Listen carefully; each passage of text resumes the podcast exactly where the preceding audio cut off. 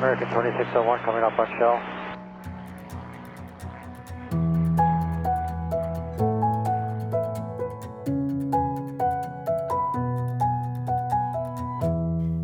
Hej, velkommen til Skyhugt. Hej Mie. Hej Michelle. Nå, hvad skal vi snakke om i dag? Jeg har været ude og interviewe Kate Cooper Jensen. Uh, hvor spændende. Mm. Og øh, for vores lyttere, hvem er så Kate Cooper Jensen? Hun er en, i princippet en dansk skydiver, i det hun har en dansk FAI-licens og er gift med en dansk skydiver. Mm. Hun er egentlig amerikaner, og så er hun verdensberømt organizer. Okay, har hun været med på nogle danske spring? Har hun organiseret noget her i, landet? Det er et meget ledende spørgsmål. Ja, det synes jeg, det er. Altså, hun har blandt andet organiseret Danmarkskorten 2015, Ja, hvor vi begge to var med. Kate er en kæmpe stor personlighed. Hun har været rigtig mange år i sporten. Mm. Var du starstruck? Ja, Meget. ja. Og det, det var jeg.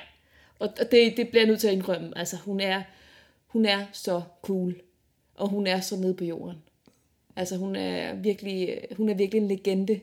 Jeg kender, øh, hende jo, jeg kender hende jo selv, og hun er ja. meget, meget grounded. Hun er ja. en dejlig dame, er hun. Ja.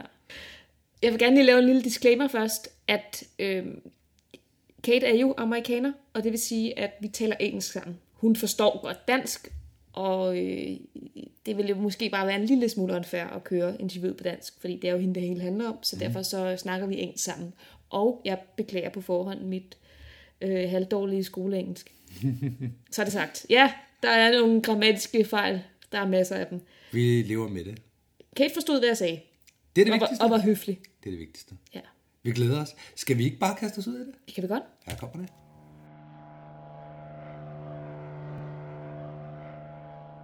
So, hi Kate. Hi, Mia. Thank you for joining.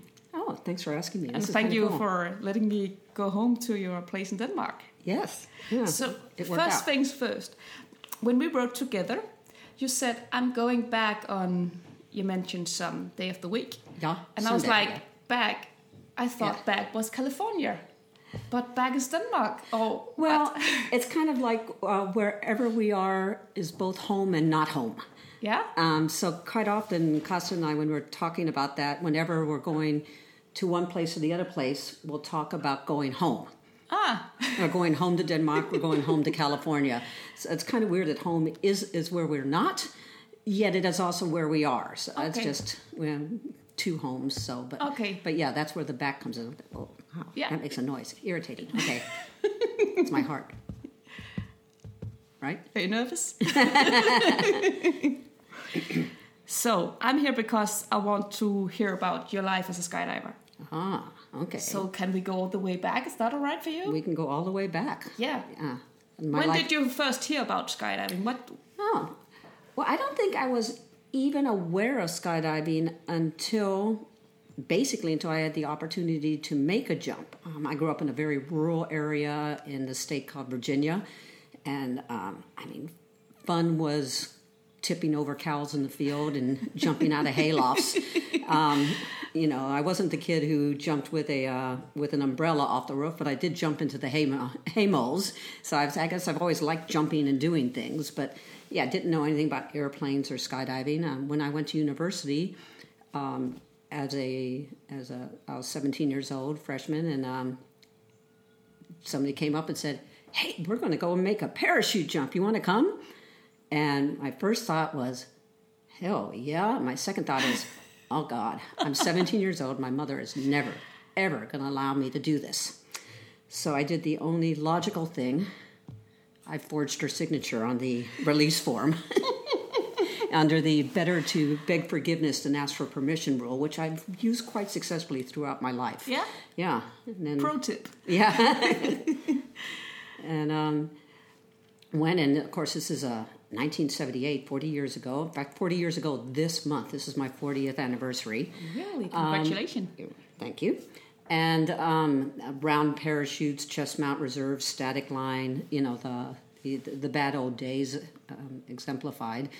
And, you know, you're under the round parachute and I'm swinging back and forth. And I was going like, God, this is fucking awesome. And it was November. It was Virginia. It was really cold. And no door in the airplanes. It says no 182. I mean, that's, that's the bad old days for United States. It's right now in Denmark, I realize. And, So uh, we are 40 years behind. in some things. you know, big old PLF in the field, you know, stood up, ah, and, and one of my, uh, one of my, not roommates, but people who lived in the dorm landed close by me and broke her leg. And she sit there going, ah, screaming. I'm going, oh my God, this is great, this is great. and there was the rest of my life. Yeah, that was the short version. yeah. so that was the first jump, and Yeah. it was a good experience. It was a good experience, Yeah. and I'm back in.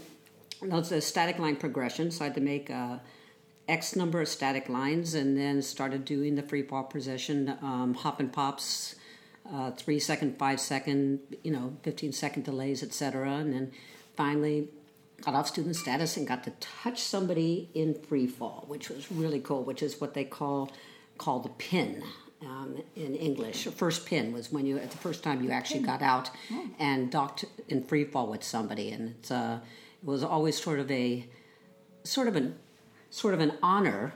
Um, to choose the person who would be your first pin. So I picked the cutest guy in the drop zone, um, and he was honored to do it. I and I was I was neither uh, cute nor talented, but I still went for it anyway, and and just enjoyed it. Um, you know, started first year made 20, 30 jumps. Second year made 400. First year, you know, you started in November. Yeah, yeah. Well, first calendar Ah. year through the Ah, winter. okay, yeah, yeah. okay. Yeah. Okay.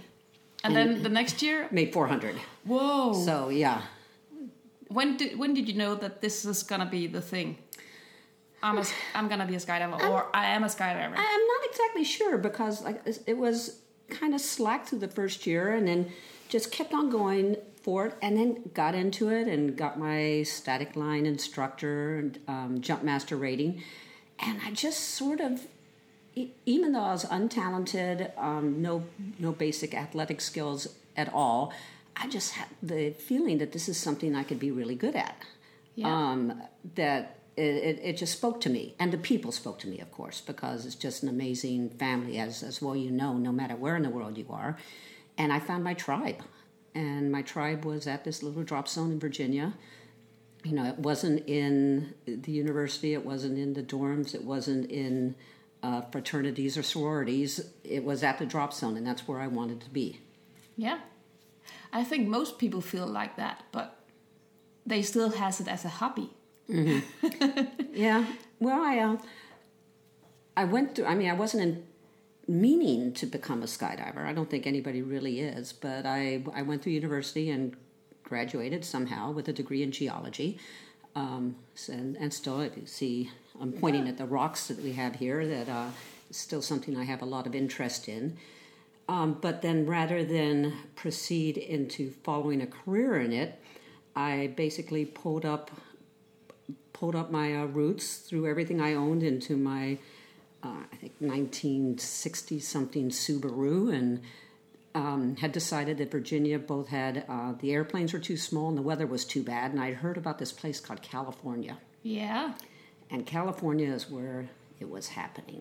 At Pope Valley, Perris, Elsinore, this is where big airplanes were. This is where people were doing skydives. This is where how you got on the map. And I spent the better part of a year getting from Virginia to California by way of um, most of the states in the union. Spent several months in Texas around that, waiting tables, you know, uh, working at drop zones, whatever, packing parachutes, round parachutes, flaking them out, putting them in, and um, and um, ended up in Northern California, a drop zone called Lodi. Uh, Pope Valley had shut down by now, and then um, worked my way down to Perris, Perris and Elsinore, and kind of stuck, got stuck in Perris. yeah. And How many jumps did you have that? oh my, uh, that would have been 82, not a thousand. I made my thousands jump in Perris, but not much under, probably in the okay. So we're to still a range. kind of a beginner. yeah. Okay. And then what happened? Well, then I um, I got stuck in the drop zone and um, doing doing um, uh, I was waiting tables again, bartending, uh, odd jobs, um, and then So it was only fun jumping. I was only I was only fun fun jumping at Perris and um, ended up meeting my um, guy named Tony Domenico, who was a, a young, fresh-faced student, and we started dating. And he went in and decided that he could do a better job of running the local gear store than the people who are running it, and bought bought out the gear store. So we um, we re- renamed it uh, called Square One Parachute Sales, and we started Square One from basically the back of a truck and moved ended up moving onto the drop zone. We weren't on the drop zone at the time. First, we were across the street at the local skydiver ghetto where we were living, and then moved it on there. So I, before I was actually working in skydiving as a jumper, I was working in skydiving as gear sales Ah, and and running basically running Square One. yeah. And then that morphed into being organizing and coaching and team jumping and the things that I'm doing now. And I just sold out my last shares of Square One in 2013 to Tony. Okay, okay. So you started as a fun jumper, then bought a gear shop, then Yeah, yeah, you know the normal thing everybody does. because but most people stop at some point and and well, most people grow up, I think. So that's the thing. yes, I managed to avoid it quite well. So when was the first time you started actually living as a skydiver? You know, earning paid to jump. Well, that, it, it- it's a it's a morph thing because again because I had square one, Yeah, and yeah. I mean that was really what was paying the bills. Yeah. So as even as I was working as a skydiver, I had the fallback of square one paying the bills. It's it's not a lucrative No. position. It's not a lucrative sport. And even now, if I didn't have the investments and history that I had, I don't know if I could live as a skydiver and live the way I am now. But it's allowed me to to go ahead and follow my dreams and and do what I want. And I'm, and to answer your question, when oh, it was probably oh gosh, probably into the '90s when I was actually jumping more than selling gear. Yeah, yeah. But how did you get into that? Um, How did you? just a desire the des- desire not only personally to be better but to be surrounded by better people and if i was going to be surrounded by better people or have records um, then you know i had to do it so i started organizing um, organizing competitions events records in California and coaching, as well as being coached, of course, because it, it doesn't doesn't happen overnight. You have to con- continue improving yourself before you can coach other people to be better as well. And um, just just kept doing it, and then it went from doing this stuff locally at Perris to doing it other places as well, and getting invited to other drop zones and eventually other countries to coach and organize.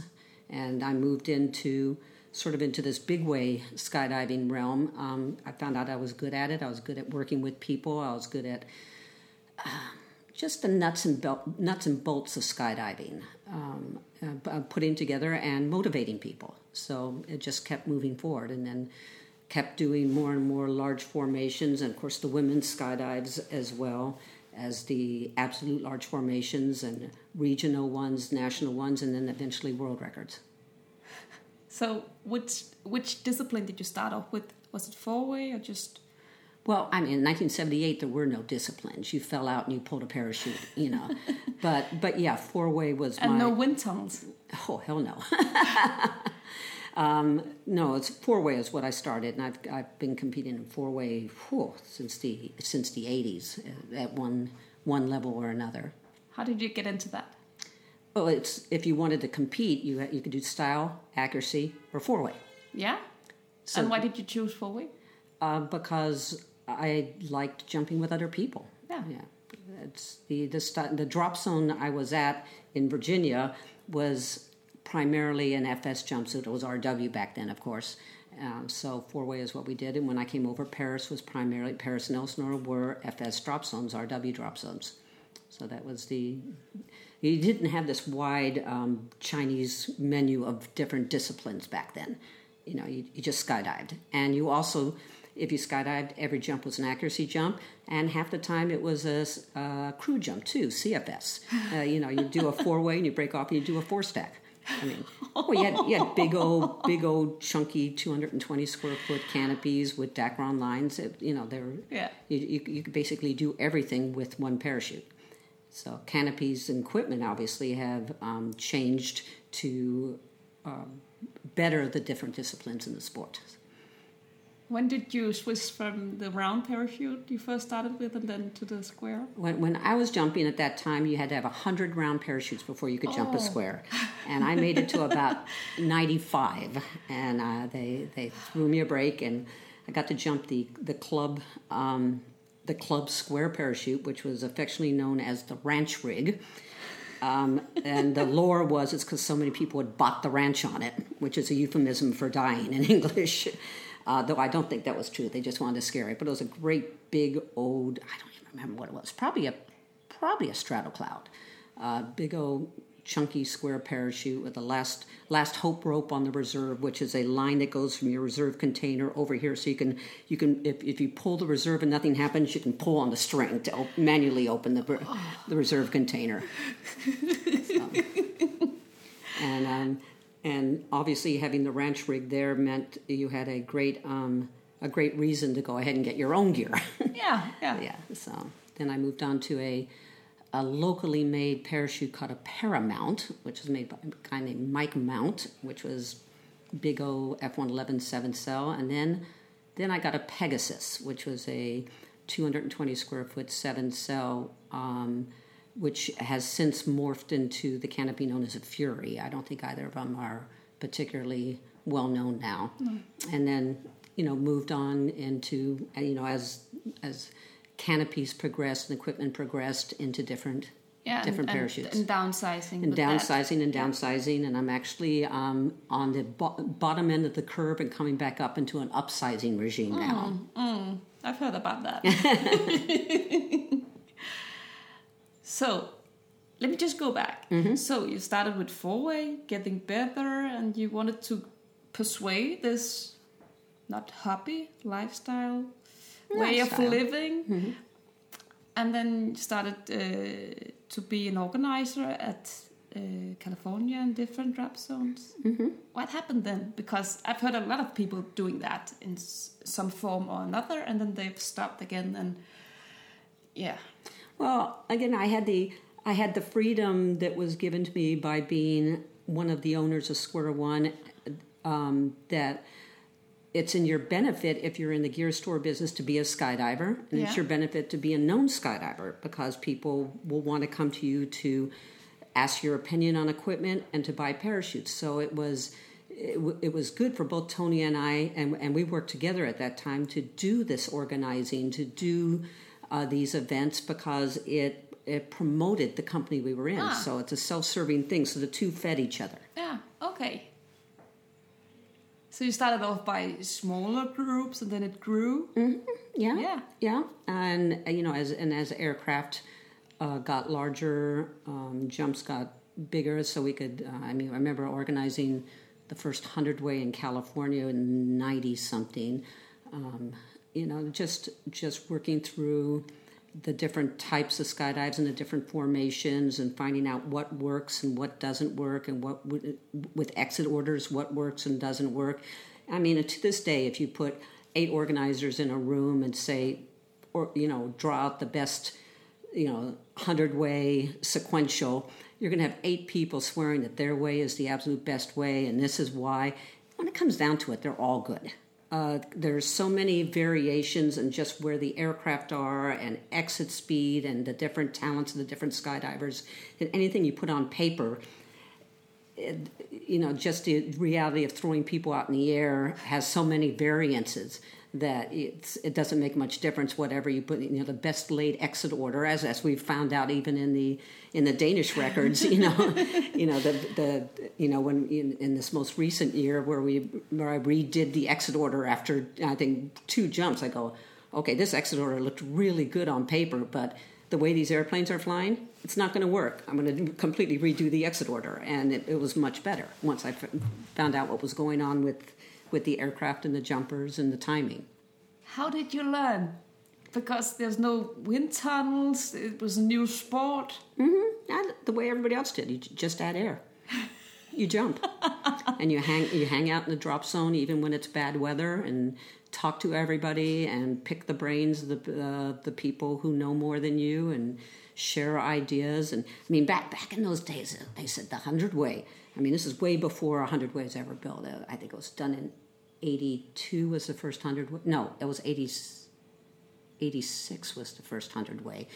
And before that, they said uh, the you know we had much larger jumpsuits back then. Yeah, Um, yeah. Those baggy suits. those baggy suits and balloon suits, you know, because the idea was to fall as slow as possible so you could get more free fall time.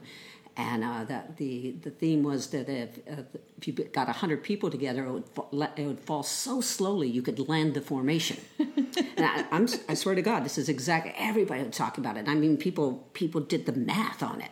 You know, you could survive it, but you know, heaven forbid you one person not get in. You know, but uh, then of course. Um, of course that wasn't true and you know we kept going larger and larger formations and as we went to larger formations the fall rates started picking up because you needed to work with everybody and those big jumpsuits i mean your arms hurt uh, you can imagine something with wings you know yeah. like cam- basically camera suits Yeah. for everybody in the formation I've done that in a tunnel, oh yeah okay so I know the feeling. yeah yeah your, your arms just get sore. yeah, yeah. So um, I figured out that it was um, from team jumpers much wiser than me and much more experienced than me that faster and tighter suits and faster suits were actually much more efficient for FS for building building formations and having them fly better. So the fall rates just started. The suits got smaller. Uh, um, the fall rates started picking up, and skydives got better. Yeah. When was your first real big wave? And what what Well, do you define, define- as a big wave? well, actually, define real. I mean, prob- the first, like, oh my, well, there was two. One was 13 way where I got to dock 13th. I think I exited rear floater um, at um, in Pennsylvania at the Herd Boogie, and that was by a landslide the largest formation I'd ever been in. And I was so proud.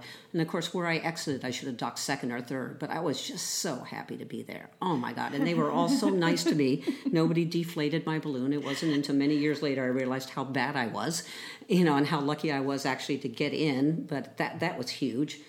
And then um, my first 40 way um, was, whew, um, probably early 80s 81 it was before i moved to the east coast or to the west coast so probably 80 81 and that was down in i think i think louisiana. And that was awesome because it was two airplanes which was yeah you just didn't do that. I mean we did two airplanes but they were two 182s right? Ooh. you know you did eight ways. But to have two big airplanes and do 40 ways out of twin otters was just incredible. And that was that, that was just amazing to me. And then you know what what's big becomes normal and then you have bigger again and then what's big becomes normal and then you have bigger again so Yeah. that's just the you know the way things go yeah. I imagine being there is a lot of trial and error with, Oh, yeah. with flying with two planes, three planes, and, and so forth. Mm-hmm. and the ti and the ti getting the exit for timing because nobody knew what to do and it, in those days everybody was a diver even floaters were divers i mean it's you, you just there was none of this building the base up the line of flight and having people come up from underneath you know everybody dove base pin were always the first two people out of the airplane So a huge speed star, actually. yeah. yeah. And then uh, I got onto the circuit along with um, many other people to build the first hundred hundredweight, which was tried multiple times in both the United States and Canada, multiple states. Um, and it kept, you know, it'd get up to 98, 99, 99, 99. Oh.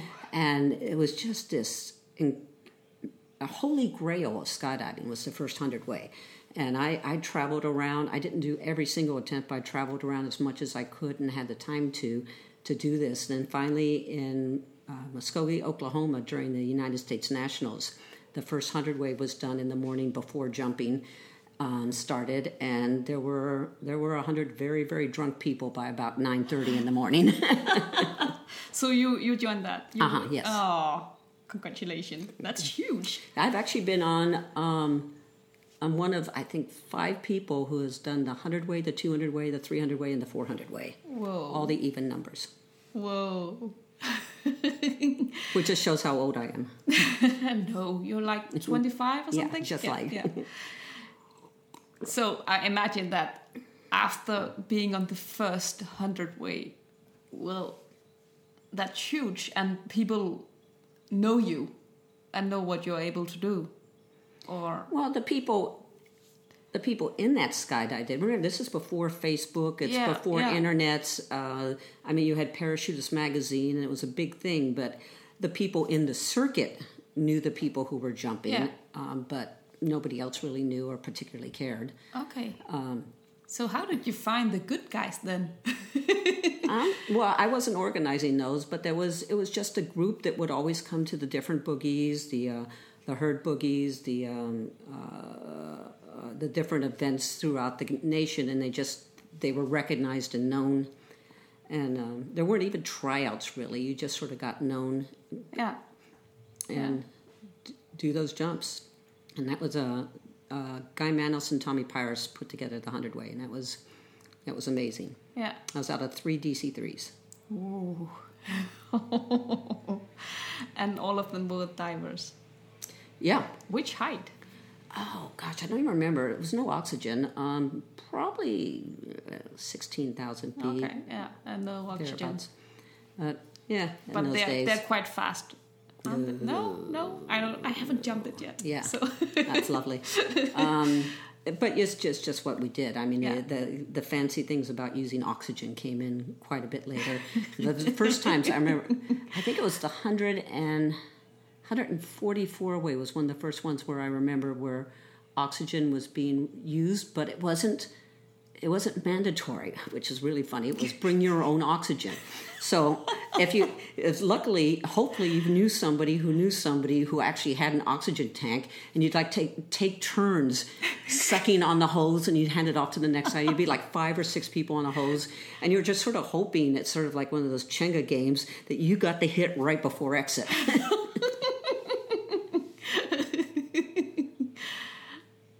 Oh man, that's so funny. so, you you broke the record, 100 ways possible, mm-hmm. and then somebody must have gotten the idea that well, Th- then if all of a sudden possible- it steamrolled. Once that magic barrier of 100 was broken, uh, it went from 100 to 120 to 120. 120 was in the U.S., 126 was in Belgium, 144 was in the U.S., 150 was in Belgium. Um, I think then 180. Then it, it just it went very very quickly. Multiple yeah. multiple records. And there was the 200 way. The 200 way, yes, um, which was uh, unique in that it was a completely different, completely different formation uh, designed by Guy Manos uh, rings, uh, concentric rings. Since it was a record, it was concentric rings with attachments through it, and that was uh, in Myrtle, Myrtle Beach.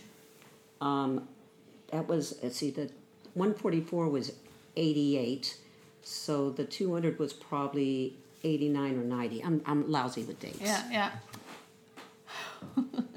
Can you tell me more about the 400 way because that's still the record and that's The 400 way is the standing record. Uh, Thailand uh, World Team, uh, organized by BJ Worth, out of C 130s. Um, incredible aircraft, incredible host country, and incredible team. It's something the likes of which um, I'm so proud to have been a part of. Uh, I don't know if anything like that because it does require military support and military aircraft, but it um, eh, the the search for the 400 way also was almost like the 100 way in that it took multiple years and multiple attempts over several different venues, but finally finally the code was cracked. Um, everything came together and and the team team built. But even then, it wasn't a per- far from a perfect skydive. Um, you know, there were people low, there were people lost. You know, even on the jump. And- Really? Yeah, but it worked. these are very, very skilled skydivers. Yep. What happened? Oh, but I don't understand it. because it's just nothing's ever perfect. You just No, have to yeah, deal with what yeah, you have. Yeah. And then, yeah, you did it. uh, a very high altitude, um, 20, 23,000 feet, something like that, over al- almost 8,000 meters Whoa. And with oxygen. with oxygen, but only in the aircraft oxygen. And honestly, from taking it off to running out of the airplane to diving down, you're getting hypoxic even as you're diving down in a situation Really? like that. Really? You start getting um, almost tunnel vision. Um, and that affects different people different ways. Some Yeah. people more profoundly than others, Yeah, obviously. yeah, yeah. So, what's the next big step? Do you know that? Well, I, I don't because it's it's in flux now. The the big steps, the sequential record category has been really the savior for large formation skydiving because it's allowed multiple world records to be set without the need for um, humongous aircraft. I mean the the two three point two seventeen way, two point two nineteen way are the standing sequential records. Obviously, half the size of a 400 way, but it can be done with conventional aircraft, uh, conventional being Twin Otters, Skyvans, etc. Yeah. Is there a desire to break the 400 way? Absolutely, by anybody. People are people are interested in that, but it's um, you can't do something that big with conventional aircraft. Even the 300 way, which was done all with conventional aircraft in Eloy, Calif- or Eloy, Arizona. Um, I mean, it took 30 minutes for the for the, all the aircraft to taxi and take off. I mean, it's it was it was crazy cold, crazy long times in the airplane.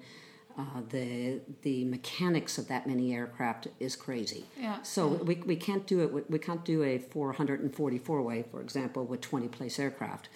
And to do larger than that, to get into the military aircraft, you need a country that can support this. Um, do the are these countries available? Absolutely.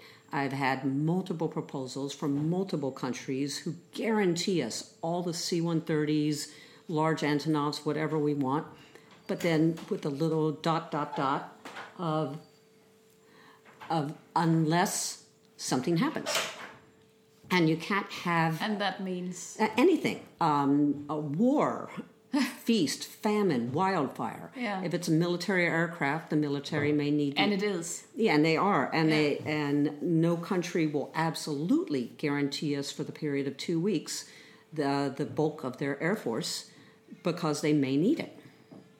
And you can't bring 444 jumpers plus probably 100 people extra um, support crew friends etc somewhere in the world whether it's near or far and then all of a sudden find out that three of your promised six aircraft aren't available so that's been the big stall on the on the big stuff Yeah. um, are these these aircraft available um, civilian? They are. Uh, they're very expensive, uh, but there are civilian C-130s. But to get them all available on different contr you know, off the different contracts into one place at the same time, stupid amount of money. Um, very very difficult to to work, and we just haven't found a sponsor who is willing to do that. No. So do And you you think, still need a place to land too. So you still need you're not going to drop any of these into uh, into uh, Denmark or Perris or Eloy. You, you, need an incredible large landing area. Yeah, yeah. Should you think we'll ever see uh, a new record in in big way? An absolute big? I don't know. I'm not. I mean, I'm, I'm. Things seem to be settling down on the world side. I think, but we still need a host country with host aircraft who can provide the aircraft and provide the drop zone. You know, and have an area where people can land. I mean, uh, some some places we've looked at, but the um, the landing area it's almost. Um, a mile above sea level. I mean, that's not practical for people with sport canopies. Uh, you're going to have too many injuries on landing. So uh, you need you need just this magic. Thailand was perfect. It was perfect. Russia was great. We we did some great stuff in Russia. Yeah. Um, but you just need to have everything everything together. So apart from that, what's your big wishes for the big ways? Yeah, overall. Well, I'm I'm enjoying the sequential, and we're actually working on rewriting the sequential rules right now um, to make it more complicated, more difficult. Because right now, the sequential rules are set up that 35% of the group needs to move, which it, it's great if you're one of those 35%. If not, you're basically doing a one point skydive. Now you're doing a one point skydive to get you a world record, and that's cool too, not taken away, but um, we're looking at setting up a another category to stand beside that, which requires 100% moving. Ah, And that I think will make people very, very excited about the about the sequential category again, because no matter where you are in the formation, you are going to be doing sequential. and and I think that that's something that will be challenging for organizers and exciting for participants both, and have the the golden cookie of the world record attached to it. yeah, yeah. That sounds fun. Yeah. I want to join. Yeah, exactly. Yeah. Wherever you are. So when is it? Yeah. I, I, I think it's being floated to the IPC meeting. I, I think it's this month. Uh, the the the category. It's this Yeah. month or next month. Maybe it's December. okay, So I'll keep an eye out out yeah. for that. But that will, um, I think that will make it very exciting to do um, both national and world records, and in both the absolute and the women's category as well. That you can do, you know, in, in Denmark we could do a um, a three point sixteen way random break. It'd be a national record, and everybody would get to skydive, right? Yeah, yeah. so let's talk about your relation to Denmark because I think a lot of our listeners will will know you. Um, but what is your re- relation to Denmark for those who don't know you? Well, my relation to Denmark is that I'm married to a Dane. Yeah. Uh, Karsten uh, Cooper Jensen now was, we're both Cooper Jensens, putting together our, our last names. Um, and I met him in Eloy, Arizona in 2002, and we stayed in touch and ended up getting married. In fact, our wedding anniversary was last week, so we're 12 years married now. Uh, the marriage was um, brought on us by the Danish government because I could not get my, my visa renewed, as so many people have found out in both directions, Yeah. uh, both for Denmark and if you wanted to go to another country, say the United States. Um, quite often it's, uh, it's difficult or impossible to, to get a any kind of a visa without a family reunification type clause Yeah, but but it's um it's worked out quite well and Yeah. Karsten and I spend time both here in Copenhagen and we have a house near Perris, California as well. yeah, So we're we're back and forth quite o- quite often in both places. yeah. And both places are home. Both places are home. Yes. So let's talk about the Danish skydives that you have uh, attended or organized. Actually, let's start with the the. Should we start with the real record? Yeah, well, let's do that. the record in 2015. Mm-hmm. Can you tell me more about that? Well, it was um, it was it was wonderful. Uh, it was it was a great group of jumpers, and I was very very pleased with with everything and how it came out. Obviously, um, in Denmark, um, weather is such an issue. Um, and the prior records we had tried, the only record we set was for the amount of rain in a 48 hour period. Um, so it was very nice getting up to 2015 and getting both the getting the jumpers, the aircraft, and the weather together. Um, Karsten took took on the job of running the base, which is something I actually usually do, but I was recovering from an injury at that time, and he um, he did a magnificent job, and the jumpers really came together. And uh, to the last jump of the last moment of the last day, um, knowing that the winds and the clouds were coming in, and we had no other chance, and uh, you know. I believe the uh, the tagline was "When was the last time you did something for the first time?" Yeah.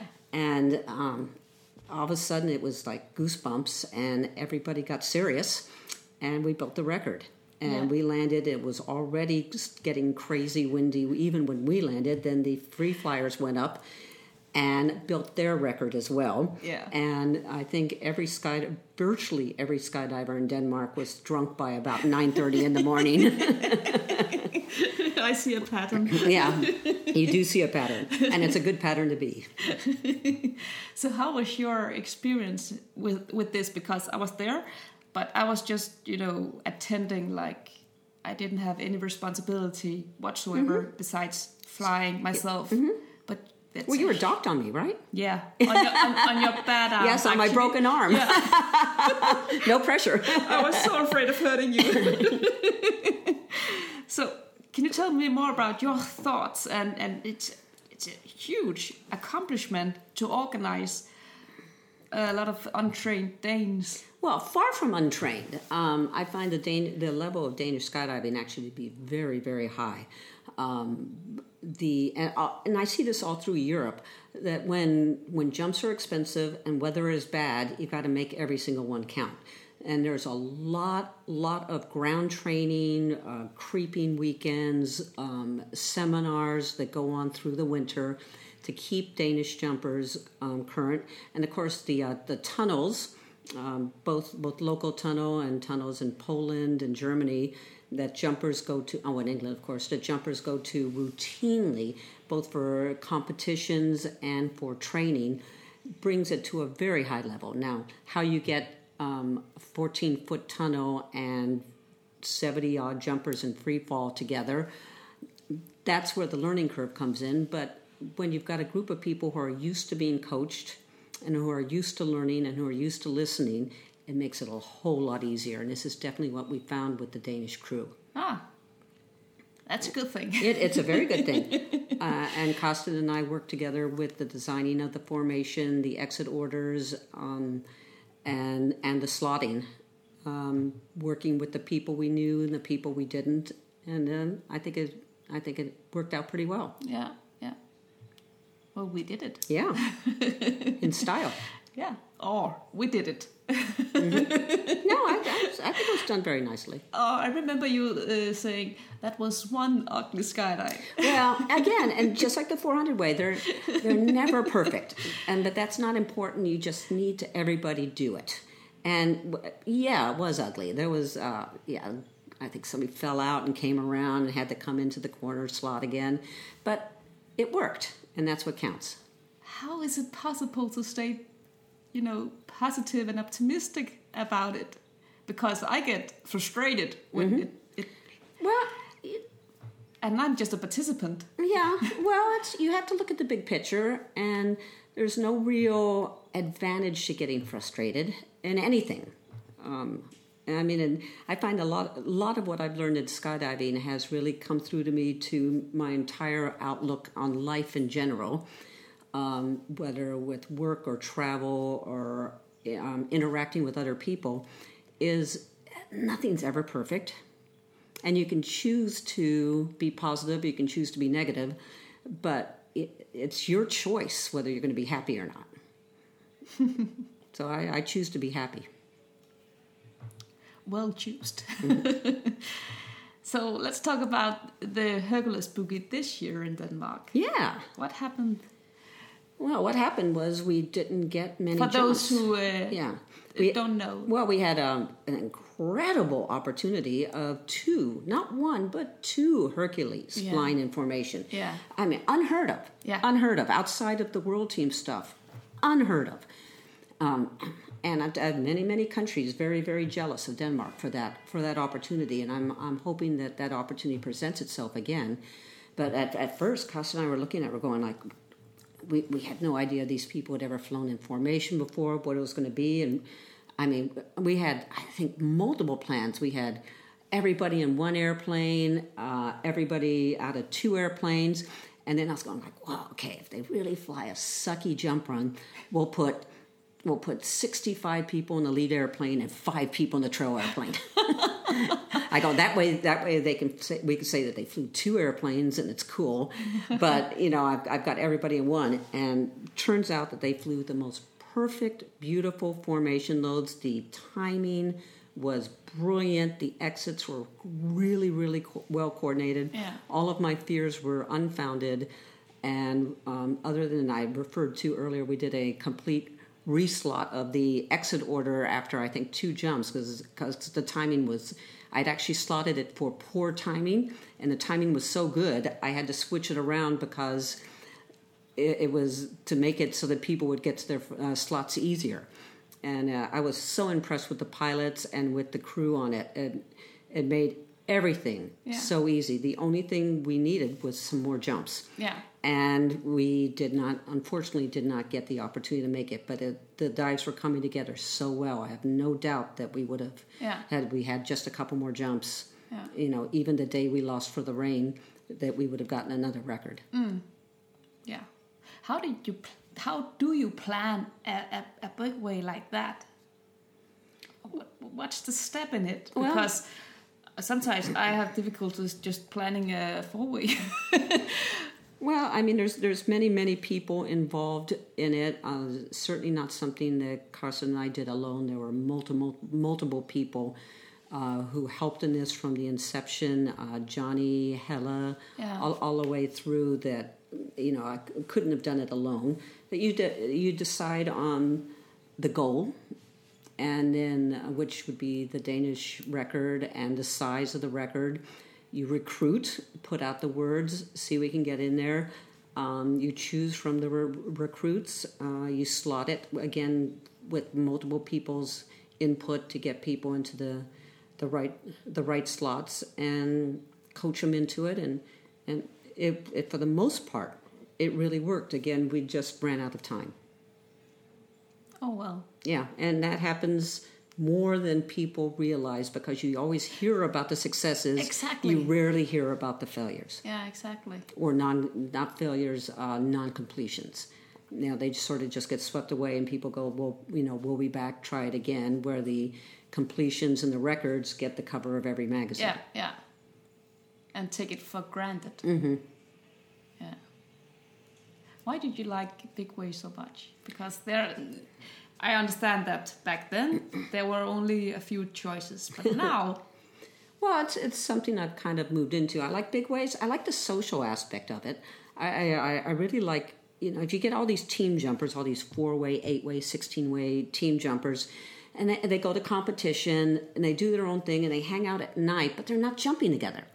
And it's so rare that you really get to actually be on the same jump with a lot of your friends yeah, and and the large formation skydiving gives us the opportunity to have people from all over a country, say all over Denmark, get together, or all over the world for pops records or world records or women's sequential records in Ukraine, and you actually get to jump together and you get to share this experience and and maybe three years later you go, oh yeah, you guys. I remember you. You were in Ukraine with me. Wasn't that a fun event? Or you know, you were in Denmark. Didn't we have a great time?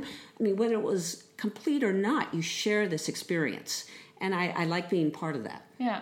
So you're actually combining the, the two best things in skydiving: the social element and the jumping. Yeah, I think so, In, yeah. in one. Mm-hmm. yeah, I never thought about that. so what else do you do in the sport? What else do I do? If you do anything else, you don't have to. Ah, I'm trying to think. I'm sure I do something. Uh, I do. Um, I mean, I do a lot. I do a lot. I write a lot. I write articles uh, for the different magazines quite often. Um, obviously, I travel. I coach, um, coach and organize, and sometimes it's just um, you know, 12 ways or 16 ways. It doesn't have to be big ways. You know, I'm just um, coaching big way jumpers. Obviously, the big way camps and 100 way training camps that we do in Perris, which is fabulous because the entire world then comes to me, but I still get to sleep in my own bed. um, but uh, uh, yeah, I'm not involved with Square One anymore, so I'm out of the game of equipment yeah. but I'm still um, still enjoying. I'm you know very thankful to my sponsors, and I try Aerodyne and Kiss and Larsen and Brusgaard, obviously. Um, Vigil. So I'm tr- really trying to work with them as well um, to improve their products if when when I can. Yeah, yeah. You sold the Kiss helmet. The Kiss helmet, Yeah, yeah, yeah, yeah. Bev suits. I managed to, uh, you know, I, I jump my red jumpsuit most of the time uh, because it's sort of uh, it's fun for big ways. But I've got um, my black four way suit as well from Bev Suits, so I enjoy that. Which I know Bev is a big sponsor of Danish skydiving as well. Yeah, yeah. And it's a very, very great Mm-hmm. suit. So, yeah. And Larsen Brusgaard is the best. Oh yeah, yeah. I just got my new Eros, which I like. Uh, the that's the uh, Oh, the visual altimeter for old people. with the great big numbers. But it Very still nice. looks cool. Oh, it still looks cool. Yeah. Yeah, yeah. No, it's fabulous. I want that. Yeah. What have been your best jumps? Oh, people ask that all the time, and I. It's hard for me. I'm not the type of person who really thinks of in terms of best or worst. I'm very much, I think, in in the moment. So the best jumps are kind of the ones I'm making right now. Um, yeah, I mean, there's been I've jumped, been very uh, grateful. I've jumped in many very, just stunningly beautiful places, um, and I, I remember those, you know, with fondness, obviously, and with stunningly beautiful people. Sometimes in stunningly beautiful places, sometimes not. But, you know, but I, I, I prefer the people over the places. I'm uh, very much looking forward to in February. I've got the opportunity to. I'm working as an organizer at a boogie in Costa Rica, um, Rich Grimm's Tsunami Skydiving, and both Karsten and Aslak are attending the boogie. So it's a, that's I'm very excited about that because it's going to be a family, a family event. Isn't it great that Aslak is jumping now? It's really cool. it's really cool, and he's. I think he's been very um, um, braced by the Danish skydiving uh, family, which is what skydivers do. It's Yeah, a, it's yeah. a family thing. Yeah.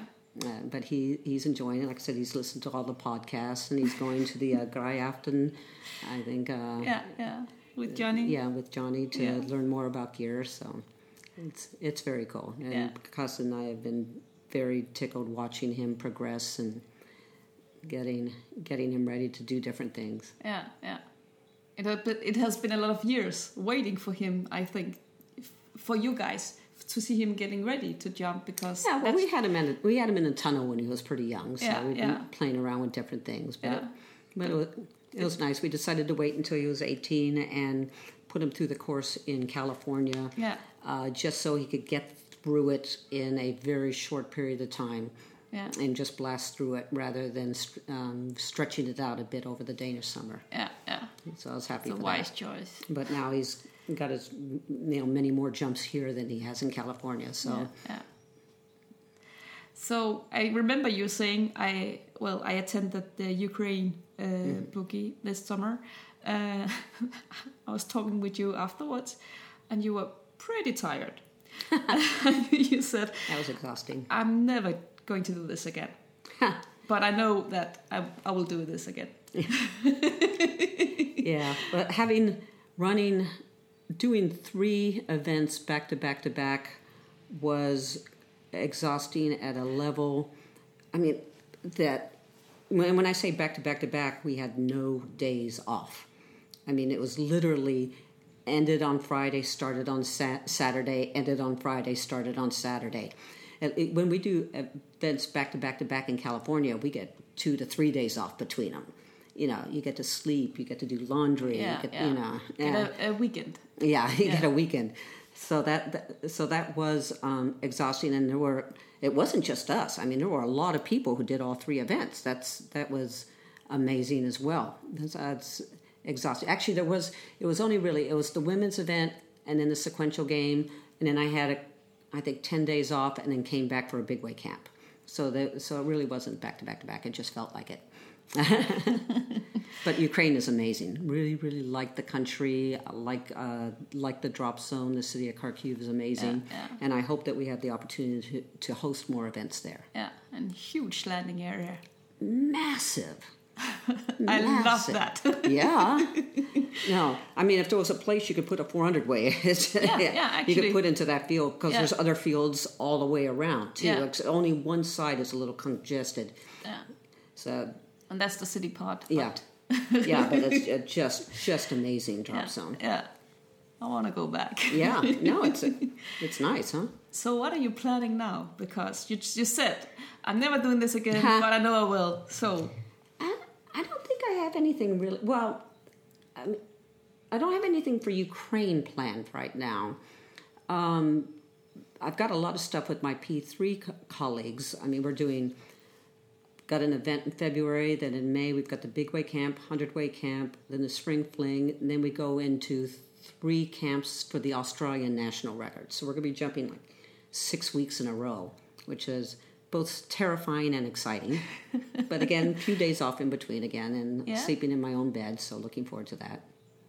and I've I've got the Costa Rica boogie, probably going back to Brazil, probably going back to Ukraine. Uh, nothing's inked right now.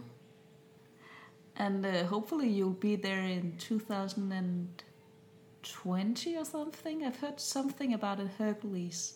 It, it hasn't been confirmed, but Oh, you know more than I do then. Oh, What country?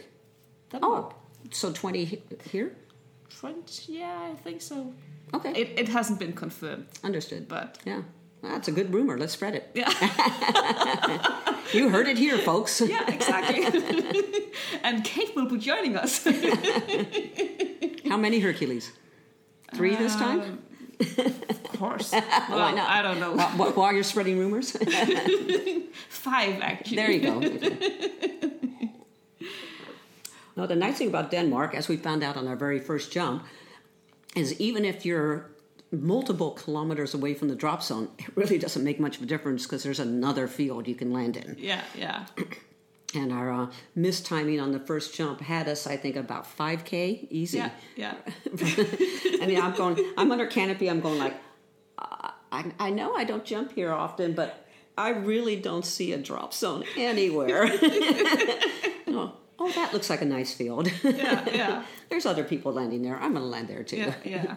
And only one got hurt. He got back up, so. Yeah. Sorry, Johnny. Yeah. Uh, if you're going to be stupid, you better be tough. That's that's my story too. yeah, yeah. So, what's your uh, your advice for newbies? Newbies advice: um, listen, listen, learn, read. Um, um, more podcasts, more um, information, less Friday freak out. um, and um, don't be afraid to ask questions. Visualize, visualize perfection. Visualize perfection. Yeah. Visualizing. Your brain is the biggest tool you have. And it's the reason why we can skydive together. And this is another thing I love about this sport is the 200 kilo guy, the 50 kilo gal, the, you know, the 70 year old pensionist and the 18 year old can all skydive together. You know, it's just equipment and mindset. Yeah. And they can do well together and they can laugh together and they can have a beer at the end of the day. Yeah. And there's very, very few sports that really cover such a wide range of age, fitness, uh, size, where everybody can be together, Yeah, um, and and inclusiveness. yeah. Do we still need a, a, a women category, you think? Do we need it? No. Is it good? Absolutely. Um, I, I, I think the incredible um, success of women in competition has proven that women can stand beside and have stand beside and do stand beside men on the podium Yeah. at every level. Absolutely. Now, the other side, though, is what is going to encourage the little girl to be great? Is it going to be is it going to be seeing women skydiving? And I, I think it is yes. And I think it's um, in every discipline. Uh, the more publicity women can get, uh, the the more competitions, the more records, the more teams. It's a better chance that more women are going to be in the sport or be empowered to be better at whatever they want to do. And for that reason alone, I think the women's category should remain. Yeah. Well, thank you. Oh. Do I miss Welcome. anything? No, I think I was pretty inclusive.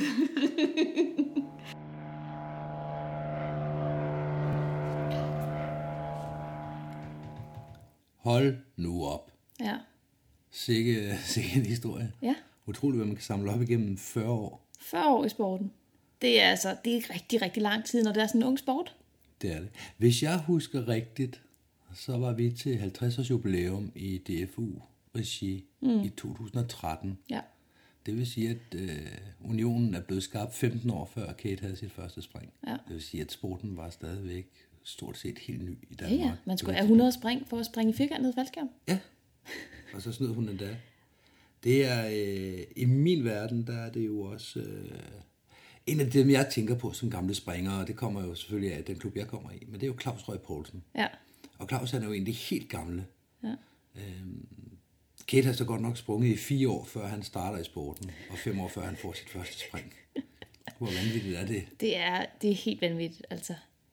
Og også, også når man sådan hører det her interview, nu hø- genhører jeg det jo øh, her nogle timer efter at have lavet det, men, men det der med, når man bare, altså det, det name drops, hun laver, og de ting, mm. hun sådan lige slynger ud på den der helt naturlige, beskedende måde, når man, jeg sidder jo lige ved at ændre nogle regler, og så var jeg jo sammen med ham og ham, og så, altså, det er jo så vildt, hvad han Ja, og ja, laver. altså, hun får sagt på et tidspunkt, we are looking at the rules of sequentials right now. Hvor, ja. hvor cool er det lige? Jamen, jeg er lige ved at kigge på nogle FI-regler, jeg synes, der skal Ja, være er nogle verdensomspændende regler, vi skal, skal Dem lige... sidder jeg lige og fumler lidt med hjemme i, Ja. hjemme i huset. Ja. Ja, hun name-dropper folk som Guy Manos. Og for dem, der har set øh, de ikoniske film Cutaway og Drop Zone, de, øh, de kan godt være, at de ikke kender Guy Manos per navn, men det er ham, der stort set har lavet de film. Ja. Og han har haft en finger med i mange, mange andre store film også. Ja, og ham har hun så rendt rundt sammen med.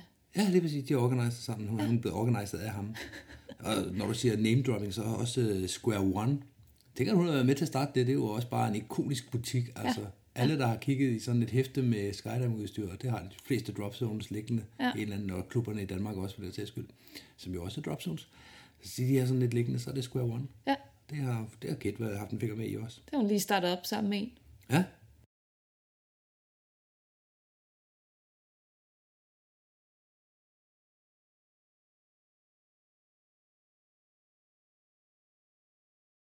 Jamen det jeg for eksempel øh, sagde til hende også under interviewet, det var det her med, at, at, at det, jeg synes, det er en enormt spændende drejning i forhold til Big Way, hvis, hvis de her regler bliver lavet om i forhold til sequential. Altså det med, at så er det ikke bare en del af, af kagen, der skal bevæge sig, så er det faktisk alle, mm. der skal flytte sig. Altså det, det giver en helt ny dimension Absolut. til Big Way, at man, man, som hun siger, man rent faktisk skal flyve, ikke? Ja. At man ikke bare skal ligge stille og holde et greb, og så er der nogle andre rundt omkring, der flytter sig.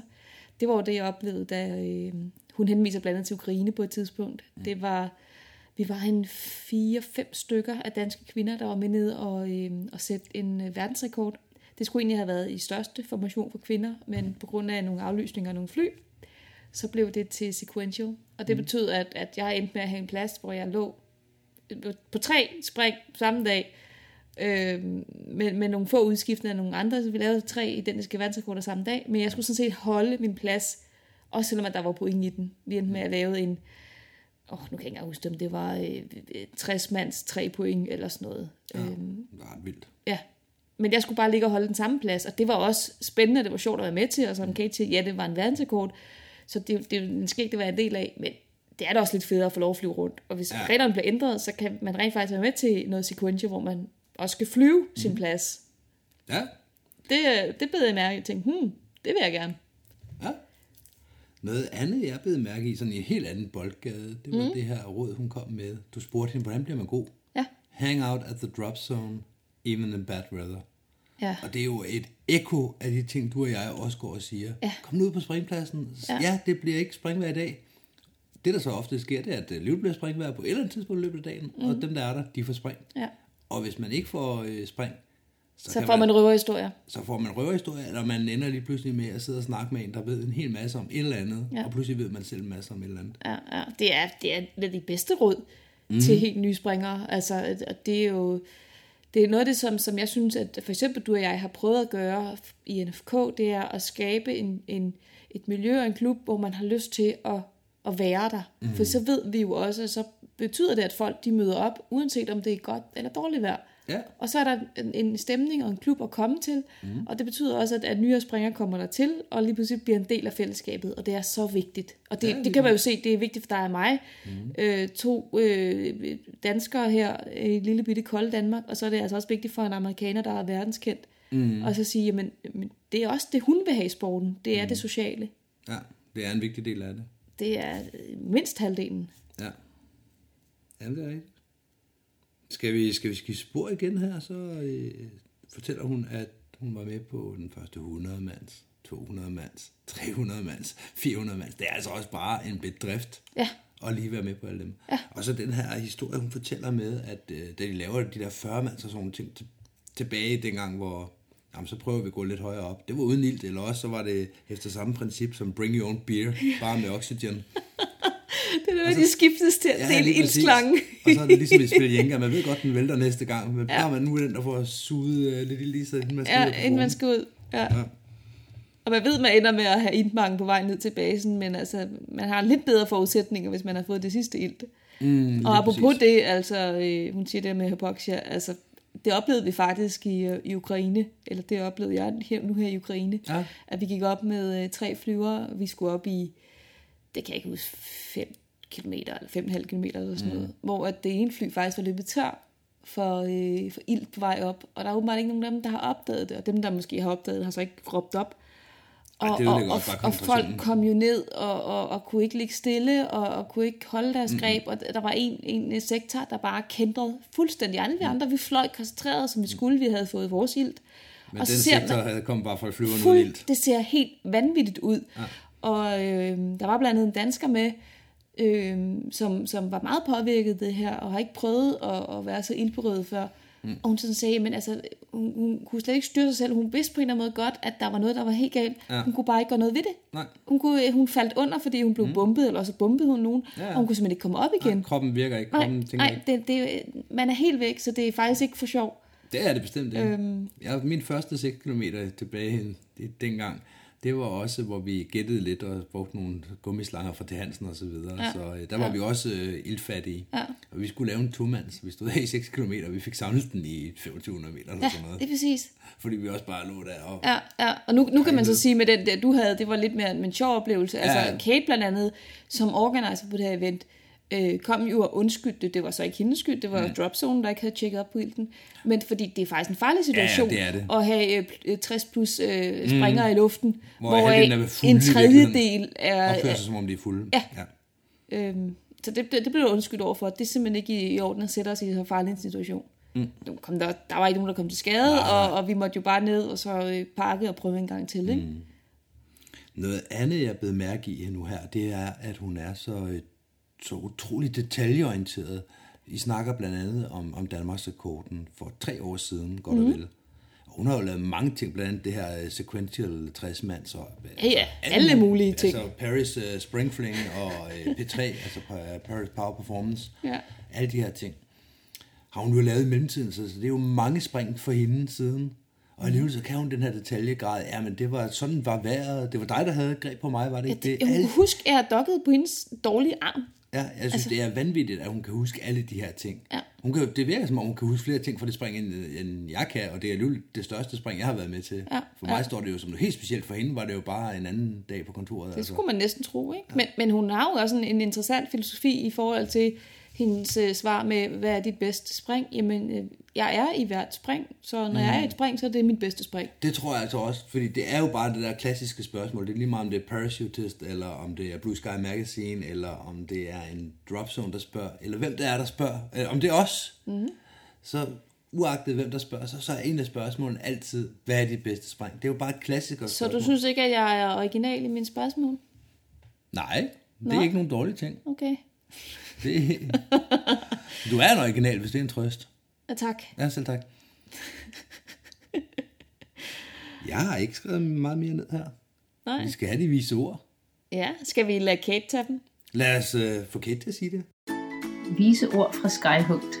More podcasts, more uh, information, less Friday freak out. Det er rigtigt. Mere podcast. Det er der en øh, verdenskendt øh, falskerspringer, der siger til os. Så passer det. Det må være rigtigt. Det er de vise ord, så det er sandheden indtil næste gang. Det er det. Hej hej. Hej hej.